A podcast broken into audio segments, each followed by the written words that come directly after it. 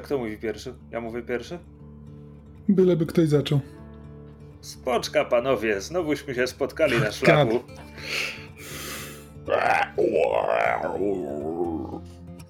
E, cześć, wow. jestem, ja jestem Krzysiek Ceran. E, to była pani Żaba e, w tej roli w tym odcinku Rafał Patatyn i nie odezwał się jeszcze Kamil Borek. Znaczy odezwał się, ale nie wydał dźwięku, który by go zidentyfikował. Cześć, to nie jest. Ro, rozumiem, że się przebranżowaliśmy i teraz idziemy w eksperymentalne ASMR-y. Oh Do tego się nie da zasypiać. Tak, więc je, jeśli jesteście na bieżąco z Mandalorianinem, to wiecie, że po tych skrzekach wiecie już, że będziemy mówić o odcinku, drugim odcinku drugiego sezonu pod tytułem e, Pasażer, czy raczej Pasażerka, The Passenger. E, I po, po zeszłym tygodniu stwierdziliśmy, że wrócimy do omawiania odcinku scena po scenie. Odcinka. E, co szczerze mówiąc, w wypadku tego odcinka. Ja co tydzień mówię, że w tym Mandalorianinie się mało dzieje i tam nie ma fabuły, ale jakoś w tym tygodniu odczułem to dotkliwiej niż ostatnio. Serio? No, zupełnie nie miałem takiego wrażenia. No dobrze, zaczynamy, zaczynamy praktycznie w miejscu, gdzie urwał się poprzedni odcinek, co mhm. nie oznacza, że zaczynamy od Boby Fetta, nie, ale zaczynamy od Mando, który pełdzi skuterem przez e, pustynię Tatooine e, i wpada w pułapkę, to znaczy natyka się na sznur naciągnięty przez jakichś przypadkowych pustynnych bandziorów. E, znaczy przypadkowych. Oczywiście polują na dziecko, ponieważ wszyscy polują na dziecko, z którymi Mando szybko się rozprawia. Mhm. Tyle. Zastanawiam się, po co była ta scena. Czy, czy po to, żeby pokazać, że on może zdalnie kontrolować ten swój jetpack, którego użył, żeby się pozbyć tego kradzieja, czy... Znaczy, słuchaj, jak dla mnie, jak dla mnie sama scena, gdy Pedro Pascal e, zabija kogoś jetpackiem, e, sterując nim, nim jak dronem, okay. tak żeby się rozbiło ziemię, e, jest, jest warta zawarcia w serialu dla samej siebie, e, autotylicznie. E, natomiast e, być może to wróci w tym sezonie w jakiś no, sposób. Może. Ja naprawdę Ale mam nadzieję, szczerze że. mówiąc, że... mam inne podejrzenie. Mam podejrzenie, że ta scena była tutaj tylko po to, żeby pozbawić Mando śmigacza, żeby potem mieć te 30 mhm. sekund, jak on idzie przez pustynię z muzyką. Bo to jest. Twórcy tego serialu bardzo lubią Samuraja Jacka. To jest totalnie mhm. scena z Samuraja Jacka. Okej. Okay. Okej. Okay. Znaczy, ja też jakby pierwszy, znaczy, taka moja pierwsza myśl była na zasadzie, do czego to wszystko prowadzi. E, potem właśnie było takie, że a, okej, okay, to wszystko było po to, żeby Mando stracił śmigacz i teraz musiał iść przez pustynię. Ale no potem, te, te, potem te, dochodzi do celu, kropka. zajmuje 5 sekund i tak, i jest, jest na miejscu, więc ni, nic to nie zmieniło w sytuacji. Ani też ten śmigacz nie był, nie był jego de facto, czy, chyba. Tak, on pożyczył nie, nie go. Od, on, on, go pożyczył od Amy Sedaris. Więc to nie jest tak, że Mando na tym coś stracił, po prostu no, stracił trochę czasu. Przeszedł po pustyni. No. Słuchaj, jak nie. zaczniesz tak wnikać i dopytywać się po co to było, to kilka odcinków serialu wyleci nagle. No okay. Jeśli chodzi o ich celowość dla większej fabuły. Dla tak mnie dalej. to była trochę zmyła, bo myślałem, że, że Boba Fett bierze udział w tej zasadce miałem taką nadzieję, że może pociągnął ten wątek. I się rozczarowałem znaczy, podwójnie. Ja jeszcze... Znaczy, moje jeszcze podejrzenie jest takie, że po prostu ta scena trochę tak jakby rymuje się z resztą odcinka, bo jakby na koniec on też praktycznie rzecz biorąc traci swój statek, więc to jest, jest w tym jakiś e, coś że, że, że tak, tak, jak on się teraz narracyjna... ślamazarnie wlecze przez pustynię, tak na koniec odcinka będzie się ślamazarnie wle, w, wlókł przez kosmos, tak? Jest to bardzo naciągane, ale no, ale jest w tym coś, jest w tym jakiś powtarzający się element. It's like poetry, it rhymes, tylko nie bardzo. tak, tak.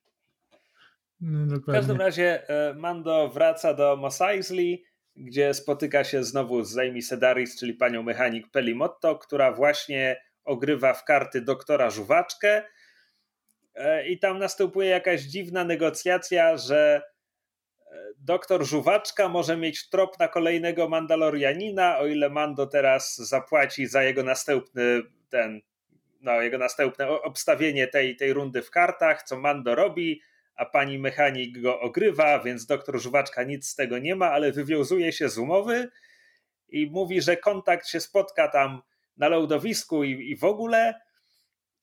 Po czym i tak i tak Amy Sedaris służy nam, żeby wprowadzić postać tej, tego kontaktu, czyli jak za moment się dowiemy, pani żaby, w sensie postać w napisach jakby i w napisach końcowych i w napisach dla niedosłyszących, z którymi oglądam ten serial, jest po prostu podpisana jako Frog Lady i to jest jej oficjalne imię w kanonie najwyraźniej.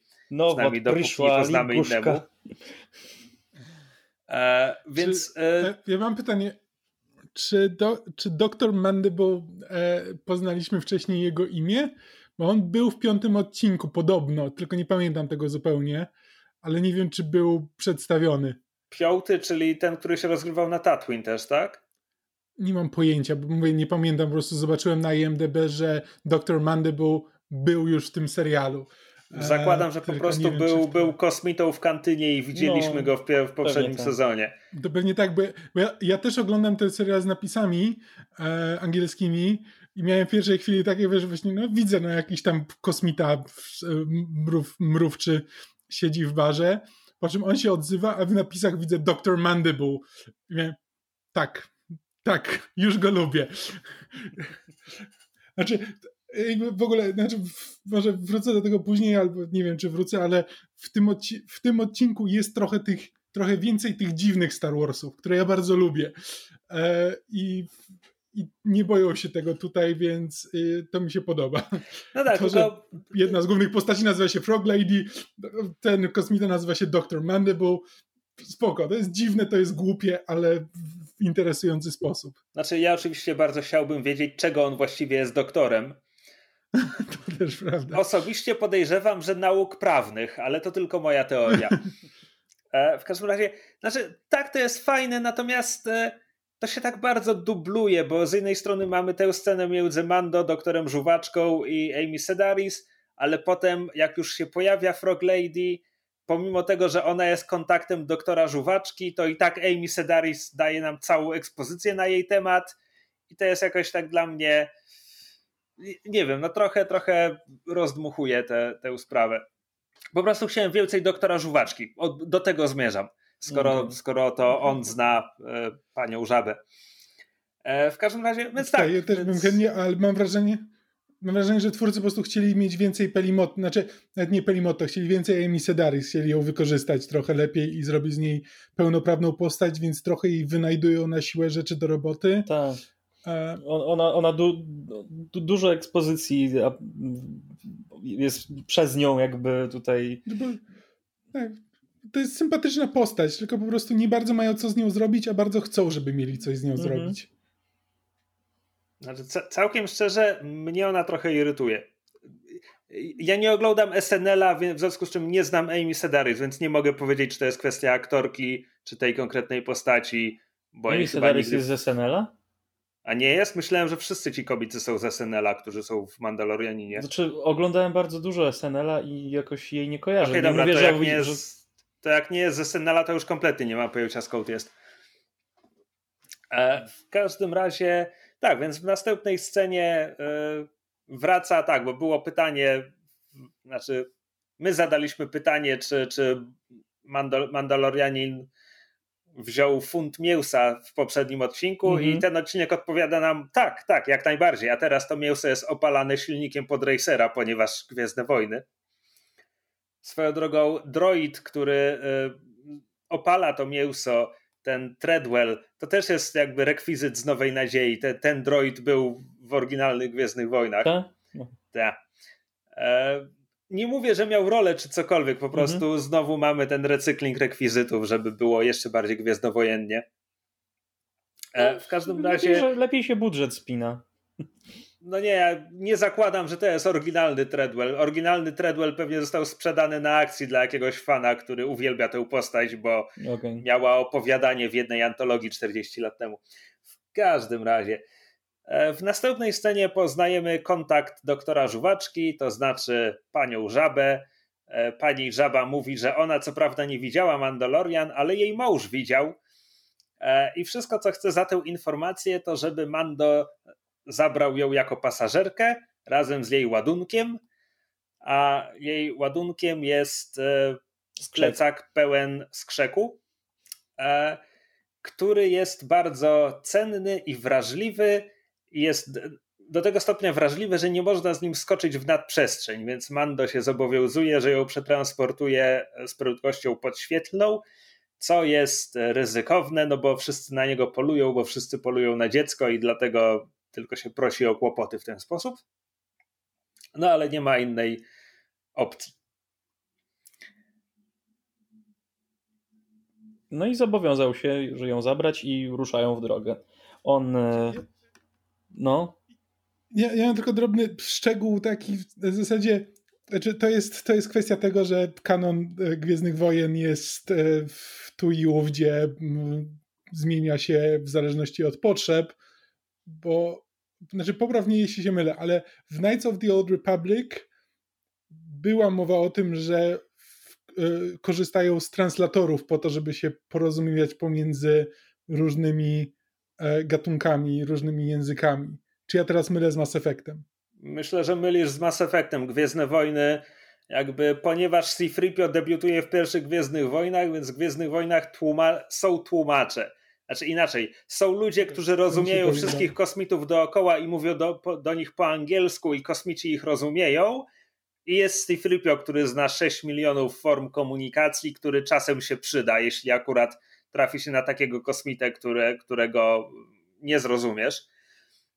E, tak, no tutaj e, moż, można się zastanawiać, skąd ta bariera językowa, czemu Mando nie ma sposobu, żeby ją obejść i się dogadać z panią Żabą. E, jakimś wytłumaczeniem jest to, że jeszcze do, do finału poprzedniego sezonu Mando nie lubił droidów, które jak wiemy najczęściej wykonują tę robotę w Gwiezdnych Wojnach. W związku z czym tu jest jakieś, e, jakby jeśli, jeśli chcemy się czepiać czy coś, no to równie dobrze możemy to sobie w ten sposób wytłumaczyć. A w każdym razie, tak, więc, e, więc ruszają w drogę. Ja teraz nie pamiętam kolejności wydarzeń. Czy najpierw pojawiają się, e, czyli najpierw pojawia się patrol kosmicznej policji, która ściąga Mando na bok, bo ma rozbity reflektor czy, czy najpierw Baby Yoda pała miłością do jaj? Chyba najpierw, najpierw Baby Yoda pała miłością. Tutaj to się powtarza, to się powtarza kilkukrotnie i szczerze mówiąc, znaczy to jest. może, może, może wyjaśnijmy. Za każdym razem. Może, no. poczekaj, zacznijmy od wyjaśnienia, bo czasami słuchają nas ludzie, którzy albo jeszcze nie widzieli odcinka, albo w ogóle nie oglądają Mandalorianina, a tak nas lubią, że słuchają tego podcastu. Dzięki, że jesteście z nami. Nie rozumiem was, ale doceniam. E, więc zaczyna się od sceny, że po prostu mały Joda widzi ten plecak pełen jaj i, i się na nie patrzy z takim zauroczeniem. I ja myślałem, że po prostu on będzie tym zahipnotyzowany. Ja w ogóle myślałem, że on wyczuwa życie w tych jajach, bo on jeszcze zaczyna je mocą zgarniać, kładzie łapkę na ściance plecaka i te jaja tak spływają w jego stronę. I ja myślałem, że tu chodzi o życie i w ogóle i coś tam.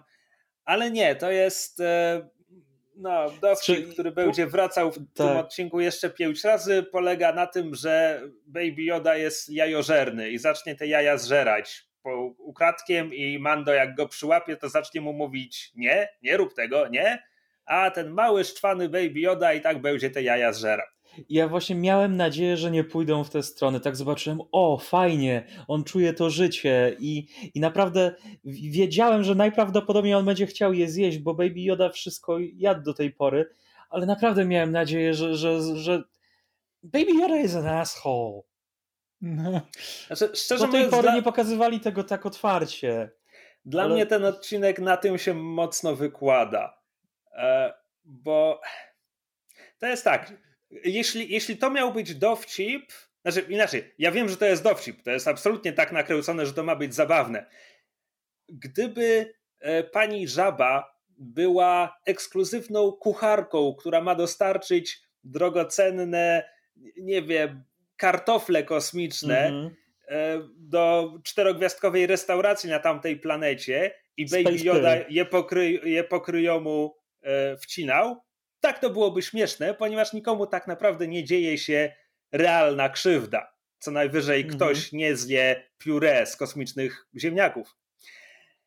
W momencie, gdy jest to ostatni skrzek, jaki pani żaba złożyła w swoim życiu, jej ostatnia nadzieja na przedłużenie swojej rodziny i w ogóle Baby Yoda czyni jej realną i wręcz niewyobrażalną krzywdę. I żeby to było śmieszne, to może być śmieszne tylko jeśli powiemy sobie, no ale pani żaba to jest kobieta w gumowym kostiumie, ona nie jest prawdziwa, to jest śmieszne. Tylko, że wtedy Baby Yoda jest gumową żabą, więc jeśli to ma być śmieszne, bo pani żaba nie jest prawdziwą osobą, to czemu mam się kiedykolwiek przejąć tym, kiedy mały żaba robi smutne oczy? Znaczy, dla mnie też to by miało jeszcze o tyle sensu, gdyby znaczy, gdyby to było tak, na, na przykład, że za pierwszym razem ok, za pierwszym razem zżera to jajko, zanim Mando zdoła je ten, y, zdoła mu je zabrać. Ale okej, okay, to jest jakby, to jest dziecko, nie rozumie co robi następnym razem Mando mu wyciąga to, to jajko z łapy, a na koniec po tym, po tym wszystkim, przez co przeszli, jakby Joda po prostu nie może nawet łapie to, to jajko, ale powiedzmy sam je, sam je odkłada, czy cokolwiek. Ale nie, to jest do samego końca. Ostatnie, co widzimy, to on zżerający to, to trzecie jajko e, w tym odcinku. W związku z czym ani on się niczego nie nauczył przez ten czas, ani to nie jest śmieszne już jakby za, szczególnie za ostatnim razem, kiedy jakby już przeszliśmy wszystko z panią żabą, dowiedzieliśmy się, że to jest ostatni skrzek, jaki ona ma. Jakby cały czas jedyne co robi, po prostu pilnuje, pilnuje go całym ciałem, żeby nic się nie stało tym biednym jajkom, a i tak ostatnie co widzimy to jest Baby Yoda zżerający jajko i to jest dla mnie po prostu smutne, po prostu, mhm. wiesz, po prostu mam gulę w gardle jak to widzę. Dla mnie to jest e, strzał w stopę trochę jak w zemście Sithów. To będzie, to wymaga wyjaśnienia, ale w zemście Sithów. Droidy bojowe. Droidy bojowe są we wszystkich prequelach i są niszczone na potęgę i w, Mrocznym Widmie to jeszcze masz trochę, ale czekaj, no ale droidy to Sifripio i Artuditu, a my lubimy droidy, one mają charakter i tak dalej. Jak mogą być takim mięsem armatnim w tym filmie, ale z drugiej strony te droidy bojowe to one są jednak takie trochę bardziej automaty, zwłaszcza, że w finale okazuje się, że wystarczy zniszczyć jedną antenę i po prostu one się zamieniają w kukiełki bez sznurków, no to wtedy jest zupełnie takie, a, czyli to nie są tak naprawdę droidy z charakterem, to są po prostu maszyny. To wszystko spoko. No i potem atak klonów, znowu masowe, masowa eliminacja droidów, wszystko spoko. A potem w Zemście Sithów droidy bojowe nie tylko dostają, wiesz, różne głosy, ale i mają momenty, że ktoś, jeden droid bojowy podaje miecze świetlne pojmanych Jedi generałowi Grievousowi, który wyrywa je z jego rełki, a droid bojowy tak do niego sarkastycznie, proszę bardzo. A potem, kiedy Obi-Wan pojawia się na mostku, to droidy bojowe zaczynają krzyczeć ze strachu i uciekać. I ja mam takie, George, co ty robisz? Czemu ty humanizujesz droidy, które jakby pozytywni bohaterowie setkami wyżynali poprzednie dwa filmy. To jakby teraz widzę, że oglądałem masowych morderców najwyraźniej, skoro każdy jeden z tych droidów ma charakter. No jakby to rozwala nagle te filmy. Znaczy to jest, ale to jest stały problem jakby Star Warsów. No jakby mamy to samo później, jakby próbują to ciągnąć, bo w, w solo mamy cały ten wątek e, rewolucji droidów, który jest tylko E, dla jaj i e, jako żart tam rzucony, e, mimo że jakby na przestrzeni tych iluś nastu w tym momencie filmów i, i seriali, i książek i tak dalej. Wiemy, że, te, że wszystkie droidy mają jakiś swój charakter, mają swoje przemyślenia, na czymś im zależy, a i tak wciąż są traktowane jako zasadniczo niewolnicy, w najlepszym wypadku tania siła robocza a w najgorszym wypadku jako jako metafora e, walki o prawa robotnicze, która jest żartem. E, I to jest tak. A, a, jeszcze, a do tego jeszcze dochodzi masowe morderstwo droidów przez, e, przez Jedi. E, tak, więc to, to, była, to była dygresja, ale z tym mi się skojarzył moim zdaniem wyjątkowo nietrafiony dowcip z, z jajożernym Baby Jodą w tym -hmm. odcinku. W każdym razie, więc tak, więc Baby Yoda będzie to robił przez parę razy przez cały odcinek, a wracając do, do głównej akcji, e, Mando odlatuje Razor Crestem z Tatooine, no i dwa X-Wingi chcą go ściągnąć na pobocze, bo nie ma transpondera włączonego, a nowe republikańskie re regulacje są takie, że każdy statek musi mieć transponder włączony, więc Mando najpierw próbuje się wygadać, mówi tak, tak, ja, ja jadę właśnie, właśnie jadę na przegląd, tam to zrobię i tak dalej, ale piloci mu nie odpuszczają, więc on w końcu uruchamia ten transponder, no i wtedy oni się orientują, że mają przed sobą statek, który brał udział w napadzie na ten statek więzienie w pierwszym sezonie. I zasadniczo wciąż tylko chcą mu zadać kilka pytań, E, ale no, mam... też chcą go z, zatrzymać i sprowadzić do swojej bazy. No tak, tak. E, w każdym razie mamy tę. Te, to w ogóle nie jest subtelne, ale to jest ładna scena, kiedy piloci X-Wingów przełączają się na inny kanał, po czym e, nagle rozkładają płaty do pozycji bojowej. E, to ja doceniam takie rzeczy. E, oczywiście wśród tych pilotów, e, jednym z tych pilotów jest Trapper Wolf, którego poznaliśmy w poprzednim sezonie, bo to jest cameo Dave'a Filoniego, który zrobił Rebeliantów i Wojny Klonów i jest też producentem Mandalorianina w tym momencie. Właśnie miałem spytać, czy ci aktorzy byli kimś szczególnym, bo nie wyglądali znaczy, na nie wyglądali na żołnierzy generalnie. Tra, znaczy Trapper Wolf, czyli pilot Dave'a Filoniego był już w poprzednim sezonie, mm. właśnie jako jeden z trójki pilotów, którzy przybywają na to wezwanie, e, kiedy to więzienie zostaje mm -hmm. zaatakowane. E, tylko tam towarzyszyli mu jeszcze dwójka reżyserów innych odcinków Mandalorianina, a tutaj ten drugi e, faktycznie jest aktorem, tylko że nie kojarzę go, szczerze mówiąc, jego dorobku też średnio kojarzę, więc nie potrafię go teraz przywołać. Ja też tylko chciałem sprawdzić, bo pierwsza moja myśl była taka, że o pewnie któryś z nich to jest tak naprawdę jakiś pilot, którego już widzieliśmy w oryginalnej trylogii. Właśnie, właśnie też jednak, moja pierwsza myśl taka była. Ale, ale jednak nie, jednak się powstrzymali przed tym. E, tak, więc e, Mando zaczyna im uciekać, a oni ruszają w pogoń, ale jak na gwiezdnowojenną pogoń jest to bardzo delikatna pogoń, w sensie nie otwierają ognia w żadnym momencie. No bo to, no, bo to jest republika, oni są, oni tylko ostrzegają, oni tylko oni pozwalają mu uciec. No. Znaczy, to jest dla mnie o tyle zabawne, że znaczy, ci, ci republikańscy piloci, oni wyko... ostatecznie w tym odcinku wyjdą na takich trochę dupków, ale takich jednak w miarę pozytywnych dupków. Natomiast w poprzednim pilocie, w poprzednim sezonie, przecież kiedy oni się pojawili, to jakby bez ostrzeżenia rozwalili całą stację kosmiczną, bo tam był jakiś sygnał eliminacji nadawany z niej. Więc mają różne protokoły ci republikańscy piloci, tyle powiem. To nie jest tak, że oni zawsze są miłymi misiaczkami. No, republikanie bywają niemili.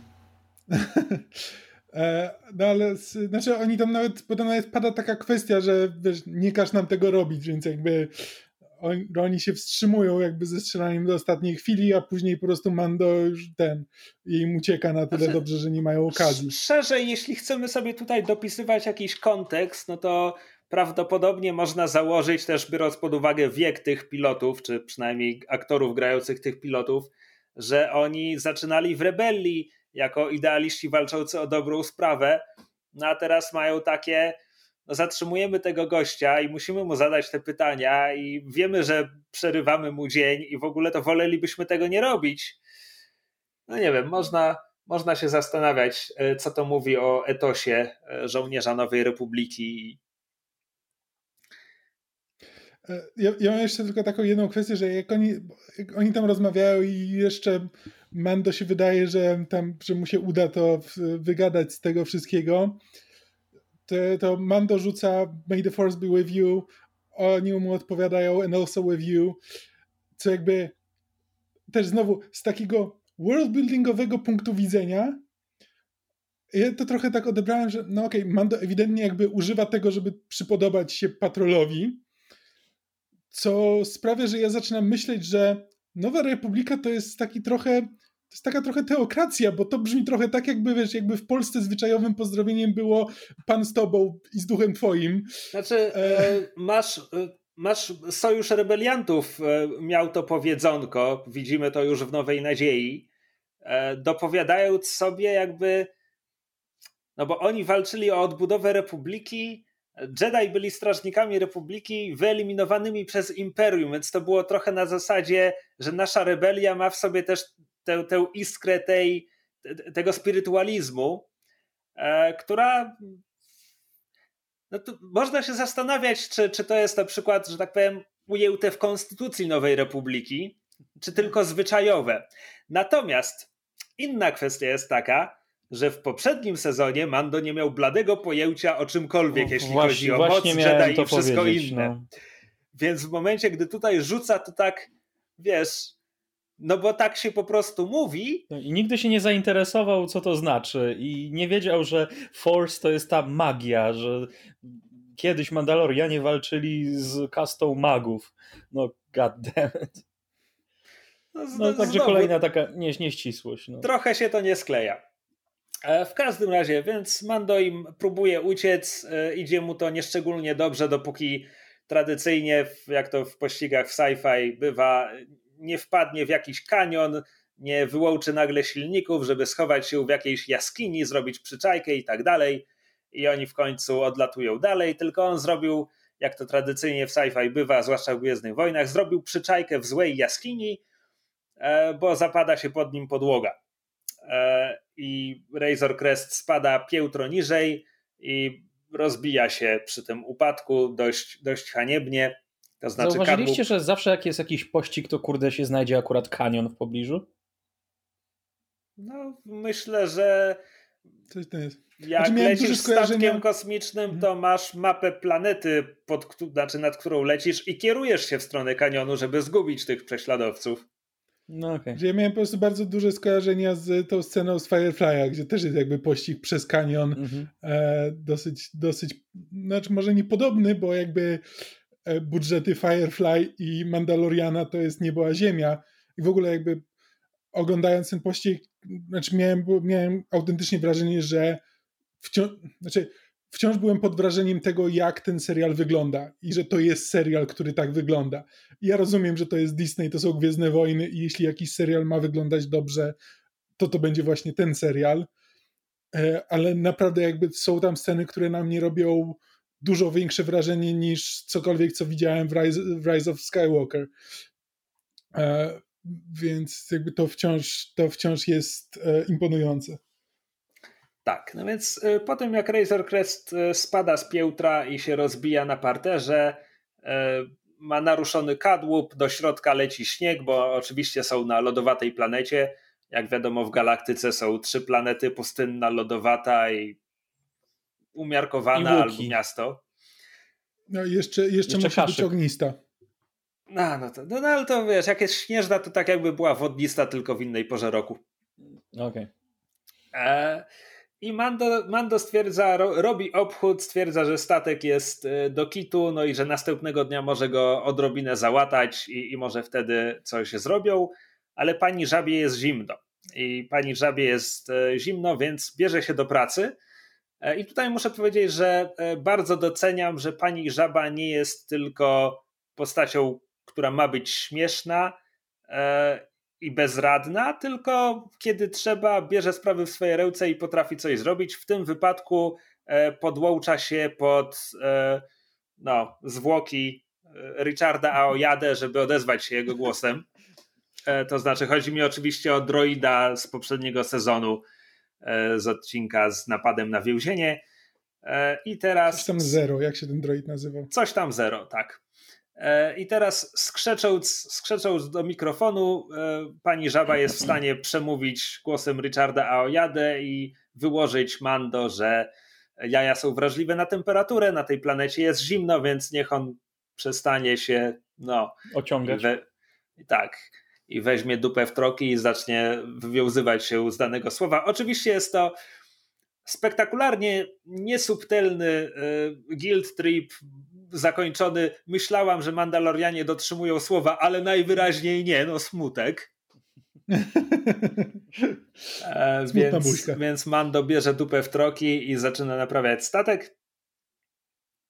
E, po czym e, Baby Yoda wychodzi za nim i próbuje zwrócić jego uwagę na coś. Oczywiście trwa to chwilę, zanim Mando się zaciekawi, o co właściwie chodzi Karzełkowi. No a chodzi o to, że ślady prowadzą gdzieś daleko, bo pani żaba sobie poszła. Więc Mando idzie jej tropem, e, termicznym tropem. Znaczy nie, żeby go potrzebował, bo odciski są głęboko w śniegu, ale i tak to zrobił, mm. żeby przypomnieć widzom, że ma tę opcję prawdopodobnie. E... Ja się zastanawiam, bo jak widzimy ten, ten ekran z, punktu widzenia Mando i to to, to, co on widzi przez swój hełm, tam jest tak dużo zakłóceń na tym hełmie. Ja się zastanawiam, czy on przez cały czas w ten sposób widzi z takimi paskami jak z VHS-u przewijającymi się przez, przez ekran. Przecież to nie może być dobre dla oczu. Wiesz to co, wszystko ja... przez mróz. Normalnie ma Full HD 4K. Wiesz co, myślę, że on może wyłączyć tę opcję i że to dopiero termowizja ma takie zakłócenia, bo inaczej to faktycznie może. nie ma sensu, ale znowu to Gwiezdne Wojny, tu wiele rzeczy Właśnie nie tam ma sensu. Wszystko, tam wszystko ma te scanliny VHS, znaczy nie scanliny, ale w każdym razie te, te zakłócenia VHS-owe. Tak, to Nawet prawda. hologramy. No więc Mando rusza tym śladem razem e, z dziecięciem i odnajdują panią żabę e, zażywającą, zażywającą gorącej kąpieli w podziemnym źródle geotermalnym. E, znaczy to... nawet nie dla siebie, tylko dla jaj, bo no, jaja pływają Sama też tam jakby siedzi. No tak, tak, ale... E, tak, bo otworzyła plecak i w ogóle wypuściła te jaja, żeby, żeby się ogrzewały żeby w źródełku. E, no, na co oczywiście Mando mówi jej, że to niebezpieczne, że w momencie, gdy jest poza statkiem, on nie może jej chronić i że on rozumie, że jest zimno, no ale już, już wystarczy i zaczyna ją zbierać. E, znaczy, nakłania ją, żeby, żeby już wyszła i zaczynają wspólnie zbierać jaja, a tymczasem kamera przenosi się na Baby Yoda, który znalazł sobie inne jaja, bo jaskinia jest pełna e, cylindrycznych, obłych, jajokształtnych obiektów, które są totalnie Który... nawiązaniem do Aliena. Czekałem aż one tylko zaczną się otwierać, tak. Mm. Tu następuje ładne odwrócenie e, tego, czego się spodziewamy, bo to Baby Yoda rozbija jajo, żeby zjeść sobie to, co jest w środku. E, po czym wszystkie jaja naokoło zaczynają drgać i dygotać i zaczynają się z nich wykluwać rzeczy, które sprawiają, że jestem przekonany, na świecie jest wielu arachnofobów, jestem mm -hmm. przekonany, że część z nich ogląda Mandalorianina i wyklina teraz Disneya. Yep. E, bo z jaj wychodzą pająki, jest ich mnóstwo i praktycznie z każdą sceną są coraz większe, bo tam z jakichś korytarzy wychodzą nie tylko świeżo wyklute, ale, ale i większe. A w pewnym momencie, kiedy już nasi bohaterowie orientują się, co się dzieje i zaczynają uciekać, pojawia się też gigapająk. I tutaj już mamy po prostu potwora ze Skyrima, nawet do potęgi, bo jest to naprawdę wielki pająk. Od razu dodajmy, e, oczywiście design tych pająków ma źródła w najstarszych gwiezdnowojennych źródłach, e, znaczy ma swe korzenie w najstarszych gwiezdnowojennych źródłach, to znaczy, czy znacie nazwisko Ralpha McQuarriego? Macquarie, Oczywiście, że nie. Ralph no, McQuarrie. Art, concept artist. E, tak, był, był e, autorem rysunków koncepcyjnych do oryginalnych Gwiezdnych Wojen, w ogóle do całej oryginalnej trylogii. I bardzo dużo z tego, jak Gwiezdne Wojny wyglądają, rekwizyty, kosmici, kostiumy, statki, to są projekty Ralpha McQuarriego. A potem w w trzeciej fali, nazwijmy to, Gwiezdnych Wojen, bo to zasadniczo już po roku 2000, już Expanded Universe, a potem jeszcze nowe epizody i tak dalej. Mamy jeszcze recykling Macquariego polegający na tym, że twórcy sięgnęli nie tylko do jego designów, które weszły w skład Gwiezdnych Wojen w latach 70., ale też sięgnęli po grafiki Macquarie'ego, e, które ostatecznie nie znalazły się w filmie w żaden sposób. I na przykład przykładem tego, Rafał, ty widziałeś Rebeliantów, przykładem tego jest Zeb. Zeb z serialu Rebelianci jest zaprojektowany na wzór te oryginalnego projektu dla Czubaki. Okay. Czubaka miał być takim kosmitą o wyłupiastych oczach i tak dalej, no więc Lukas w 77 zrobił coś zupełnie innego, a potem 30 lat później twórcy przeglądali te e, grafiki i stwierdzili, to jest fajne, zróbmy z tego kolejnych kosmitów. I tak docieramy do lodowych pająków z tego odcinka, ponieważ Ralph McQuire narysował dokładnie tego gigapająka jako stwora, z którym Luke mógłby walczyć na Dagoba w Imperium kontratakuje. Okay. Do czego nie doszło. Ale, ale walczył teraz... ze śnieżnym Yeti chyba wtedy. No tak, ale na innej planecie. A tak, na Hof. A, e, a teraz jakby tenże pająk funkcjonuje w Gwiezdnych Wojnach. Zresztą ten odcinek Mandalorianina nie jest pierwszym razem, kiedy widzimy te pająki, bo one były też w Rebelsach. Tylko teraz znowu, w Rebelsach były pająki inspirowane dokładnie tą samą grafiką Ralpha McQuire'ego. Lepszy ode mnie gwiezdnowojenny e, ten entomolog oceni, czy jest to ten sam gatunek w Mandalorianinie i w Rebelsach, czy przypadkiem są dwa gatunki kosmicznych pająków, które wyglądają tak samo. E, w każdym razie tutaj zaczyna się duża scena akcji. Powiedziałbym, dużo większa niż się spodziewałem, bo najpierw mamy pogoń, gdy nasi bohaterowie uciekają po prostu przed goniącą ich e, chmarą pajączków. E, Mando najpierw e, się ostrzeliwuje, potem w ruch idzie miotacz ognia, jakieś ładunki wybuchowe. Używa tych ładunków wybuchowych przeciwko gigapająkowi, powalając go, po czym docierają do statku i tutaj właściwie sekwencja robi się jeszcze bardziej horrorowa i jeszcze bardziej mm. e, mhm. wroga arachnofobą, bo, bo dochodzi, dochodzą pajęczyny. E, bo nagle małe pajączki każdym możliwym otworem wchodzą do wnętrza Razor Crestu. E, na zewnątrz Mando zostaje przyszpilony do kadłuba pajęczyną, w pewnym momencie zostaje unieruchomiony. E, kieruje uciekających bohaterów do, do kokpitu jako najbardziej szczelnego pomieszczenia.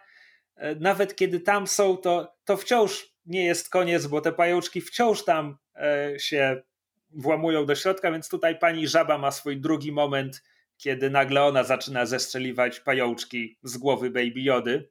Znowu wydawałoby się, że kurdupel się potem odwdzięczy i przestanie je, jeść jej jaja, ale nie. Tak. Znaczy, Ciekawe, czy ona wiedziała, że, że on zjadał jej jaja, bo w sumie mogłaby strzelić do niego. Znaczy, na razie nie było nie sceny. jej, jej znaczy, na razie nie było sceny, która by jasno pokazała, że ona się orientuje, że tych jaj ubywa, co swoją drogą jest cholernie y, niewiarygodne. Jakby Właśnie. ona by wiedziała, ile ich jest w tym plecaku.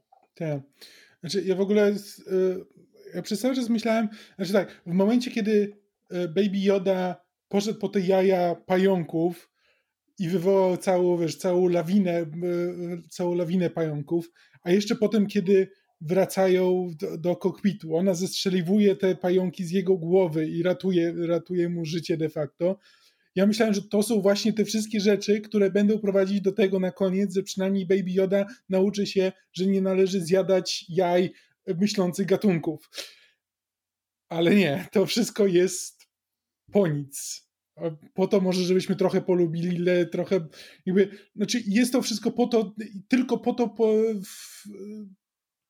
po ten najbardziej podstawowy element. To znaczy, rzeczywiście zjada jajo pająka, co powoduje, że pająki się budzą i muszą uciekać. I nic dalej z tego nie wynika, jakby z samego z faktu zjedzenia pająka, poza jakby tym, że po prostu jakoś doprowadziliśmy do tej sceny. No, pani, pani żaba zestrzeliwuje, więc lubimy bardziej panią żabę, ale dalej znowu to nie ma żadnych konsekwencji idących dalej poza tę scenę konkretną. I to tak po prostu zmarnowany potencjał tam widzę, bo to wszystko po prostu powinno do czegoś prowadzić. No i jakby Baby Yoda też powinien mieć jakiś.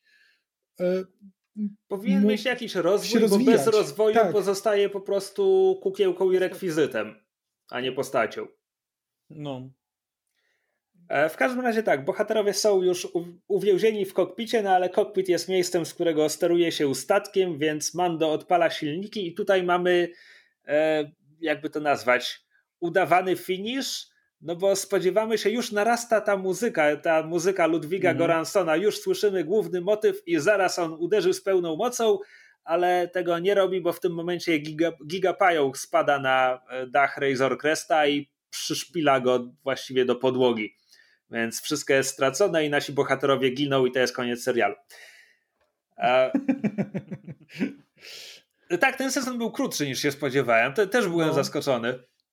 Tak, znaczy no, Jeszcze jak to, ten pająk przebija Mando na wylot tą, tą swoją nogą, no to tak, jakby jak na serial, który do tej pory unikał, unikał przemocy, to jakby ilość krwi w tej scenie i flaków, które się wylewają z Mando są niemal, jest niemal komiczna. Ej, wy też się spodziewaliście, że Baby Yoda ma zieloną krew? Znaczy, ja myślę, że to jest trochę. Znaczy, cały Mandalorianin nawiązuje do filmów kowbojskich i tak dalej. W tej scenie trochę bardziej nawiązuje do Kill Billa i do Tarantino. Mm -hmm. Prawdopodobnie właśnie po to, żeby doprowadzić do tego szokującego zakończenia, właśnie. E, który jest, który jest właśnie e, rodem z Tarantino. Nie spodziewałem się, że Baby Yoda zacznie sztyletami rzucać. Okej, okay, przeciągnęliśmy ten dowcip do granic możliwości i jeszcze mm. dalej. Tu jeszcze byśmy mogli trochę pociągnąć.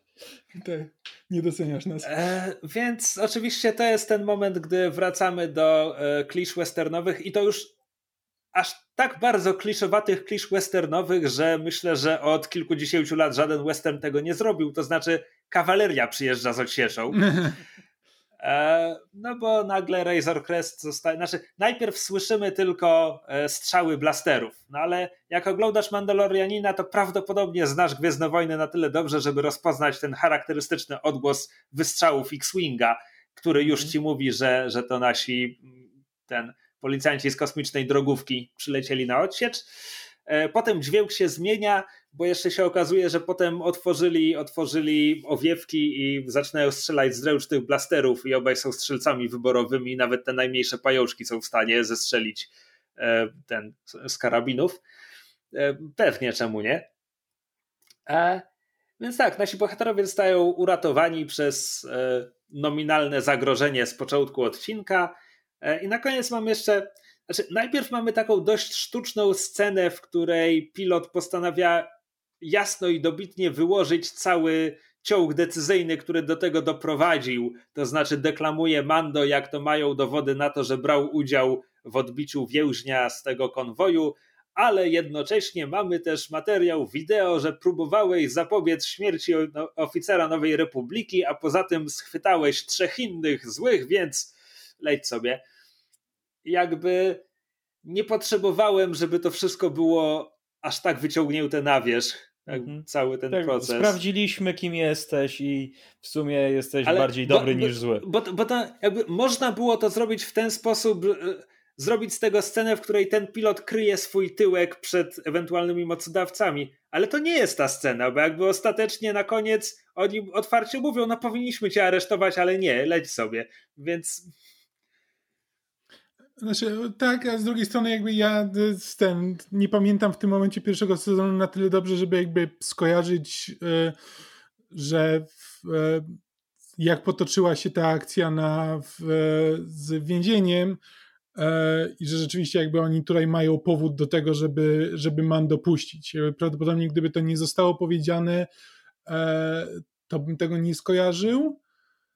E, inna sprawa, że prawdopodobnie dało się to powiedzieć lepiej, e, żeby nie było tak ekspozycyjnie, ale no to już, to już jest co innego. Tak, natomiast podoba mi się zakończenie tej rozmowy, bo jakby kiedy tamten pilot wspomina o tych trzech więźniach, których Mando przyskrzynił i zostawił w celi, Mando mówi, to hej, to może ja zrezygnuję z nagrody za nich, a wy mi pomożecie naprawić statek, na co słyszę odpowiedź, może naprawisz ten nadajnik, a my cię nie, nie złapiemy następnym razem. Co jest jakby ładną repliką i, i znowu sytuuje tych pilotów na pozycji takich, tak, oni są pozytywnymi postaciami, ale nie są takimi, że tak powiem, nie są pozytywną postacią z komputerowego RPGa, która wszystko zrobi dla każdego, kto poprosi. Nie są paladynami. Tylko, jakby, tylko mają swoje, swoją pracę i obowiązki i tak dalej. W pierwszej chwili miałem wrażenie, że w ogóle w pierwszej chwili miałem wrażenie, że to czyni z nich strasznych dupków, bo tak jakby odlatują i zostawiają go tutaj na pewną śmierć na tej planecie,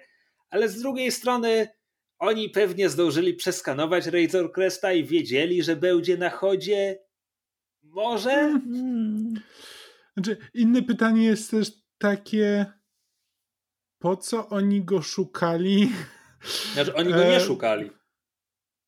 No to jak go znaleźli? Odpalił silniki. Znaczy, czekaj, chodzi ci o początek odcinka czy koniec odcinka? O koniec odcinka. Czemu oni się tam, czemu oni przy, przybywają z odsieczą? A, czemu oni przybywają z odsieczą w momencie, gdy dowiedzieli się, że w sumie to... Znaczy, wiesz co? Jeśli chcieli go puścić, to jakby znaleźli go... Oni nie mogli za bardzo wiedzieć, że będzie atakowany przez pająki, co znaczy, że oni znaleźli go po to, żeby mu powiedzieć, że nie będą go ścigać. Ewentualnie, znowu dopisujemy tutaj sobie coś do serialu, ale możemy założyć, że znaleźli go, bo w tym momencie byli jeszcze przekonani, że go aresztują, po czym zobaczyli, przez co właśnie przeszedł i stwierdzili, jakby ten gość miał wystarczająco trudny dzień, dajmy mu dzisiaj spokój. No, mm. powiedzmy, niech ci będzie. No. Czy też miałem takie zastanawianie się, że może na przykład chcieli go zabrać do tej bazy, ale go ten, ale nie, bo też mówią, że jakby, że powinni go aresztować, więc gdyby go zabrali do bazy, to byłby aresztowany, więc to też bez sensu trochę. Więc tak, musimy się trzymać twojej wersji, bo lepszej w tym momencie nie jestem w stanie wymyślić. Wiesz, no, w, w dalszym ciągu all, all, Space Cops are bastards, ale ci tutaj jakby mieli lepszy dzień. I to jest praktycznie rzecz biorąc koniec odcinka, no bo tak, Mando... Ja Mando naprawdę naprawia, myślałem, że dolecą na miejsce. Mando naprawia statek, odlatują. E, znaczy ten, ten Razor Crest na koniec leci tak, tak komicznie, on po prostu to jest kosmiczny odpowiednik jazdy z tym, e, no, z flakiem. Kulejącym, kulejącym koniem. A tak, albo na znaczy, kulejącym koniu. Znaczy, bo w ogóle jakby warto wspomnieć, że, jakby, że Mando tłumaczy, że e, może odpalić Razor Cresta, ale jedyne w tym momencie pomieszczenie, które nie będzie e, zdekompresowane, to jest e, kokpit i że będą musieli tych parę dni, czy ile tam w, w tej podświetlnej muszą spędzić na ten, e, po prostu siedząc w kokpicie i nie mogąc z niego wyjść. Hmm. Powiem, że po obejrzeniu The Expanse ciężko mi te wszystkie podróże kosmiczne w Star Warsie, w Star Warsach przejść tak bez takiego okej, okay, a gdzie jest to całe przyspieszenie, które powinno ich zetrzeć w pył? No ale Rafał, Rafał, pierwsza kwestia jest taka, że w, w próżni w Gwiezdnych Wojnach rozchodzi się dźwięk, a dalej nie przejmujesz się już niczym innym. To jest okay. fantazy.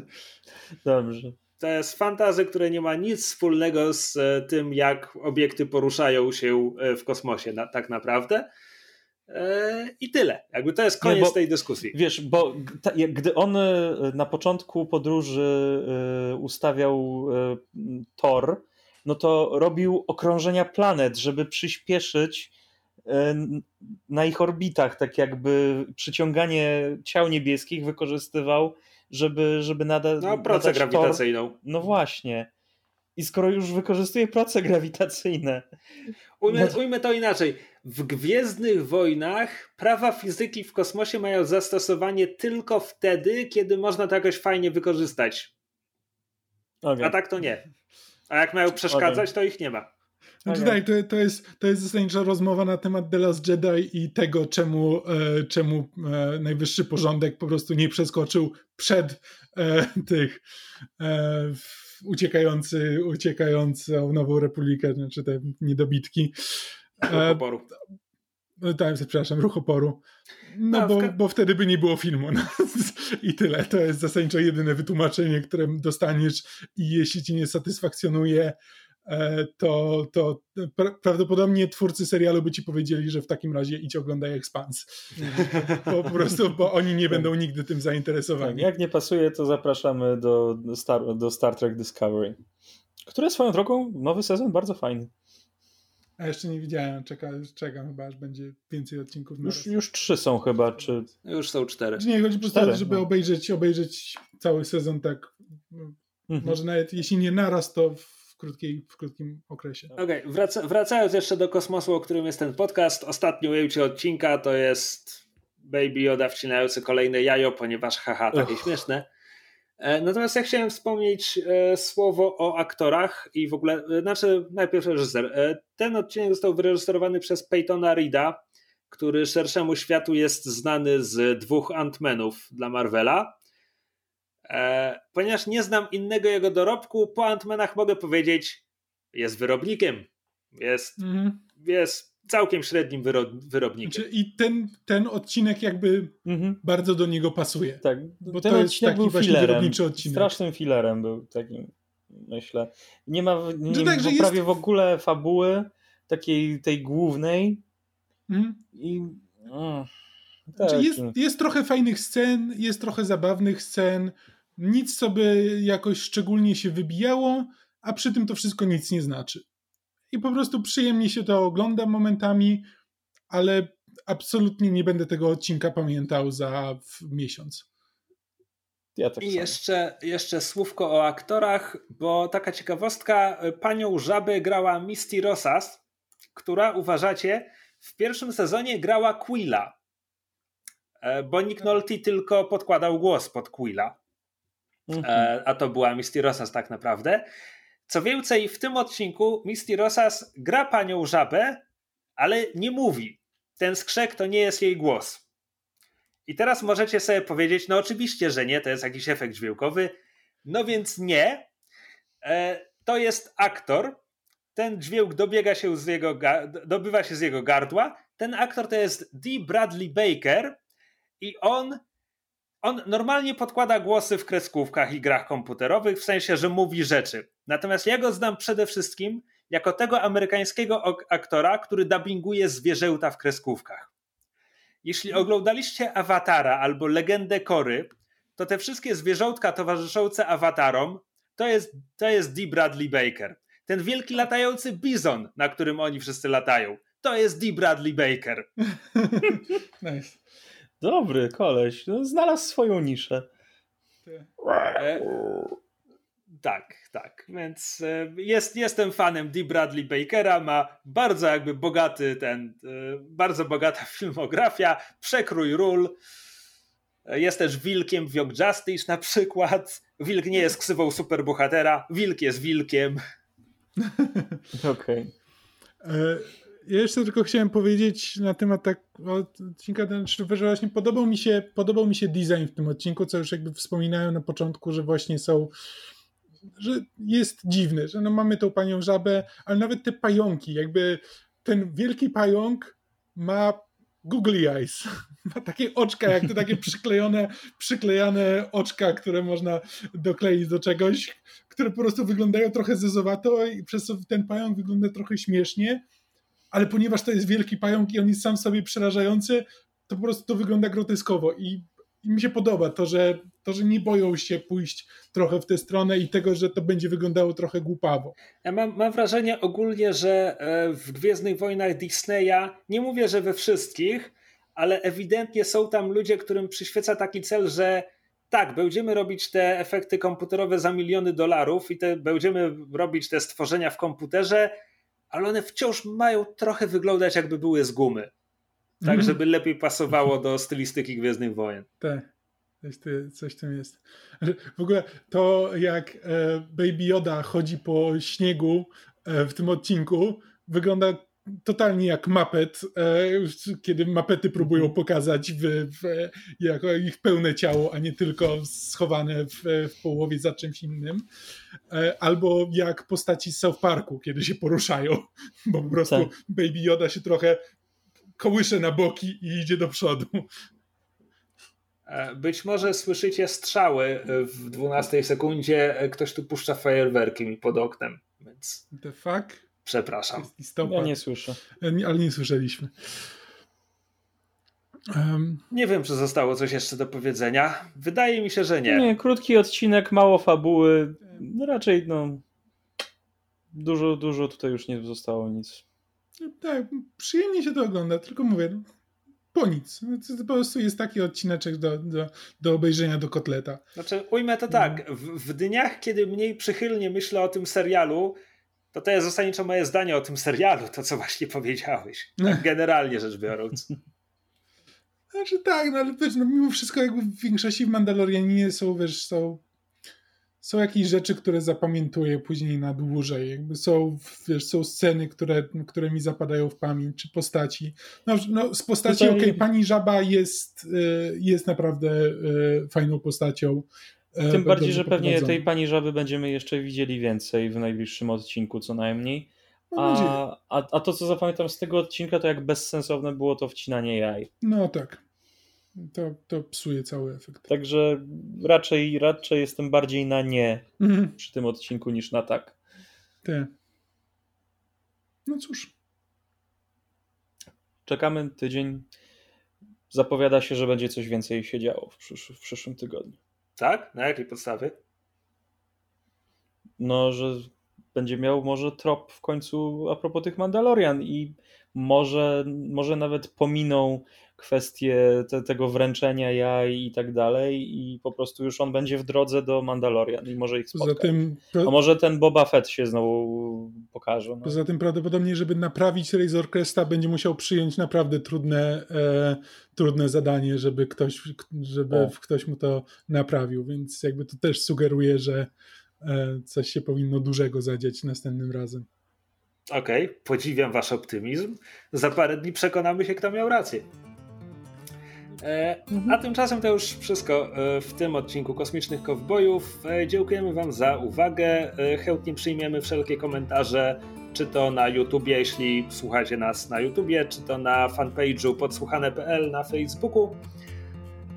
Mamy również adres mailowy kontakt małpa podsłuchane.pl, jeśli bardzo chcecie. I co?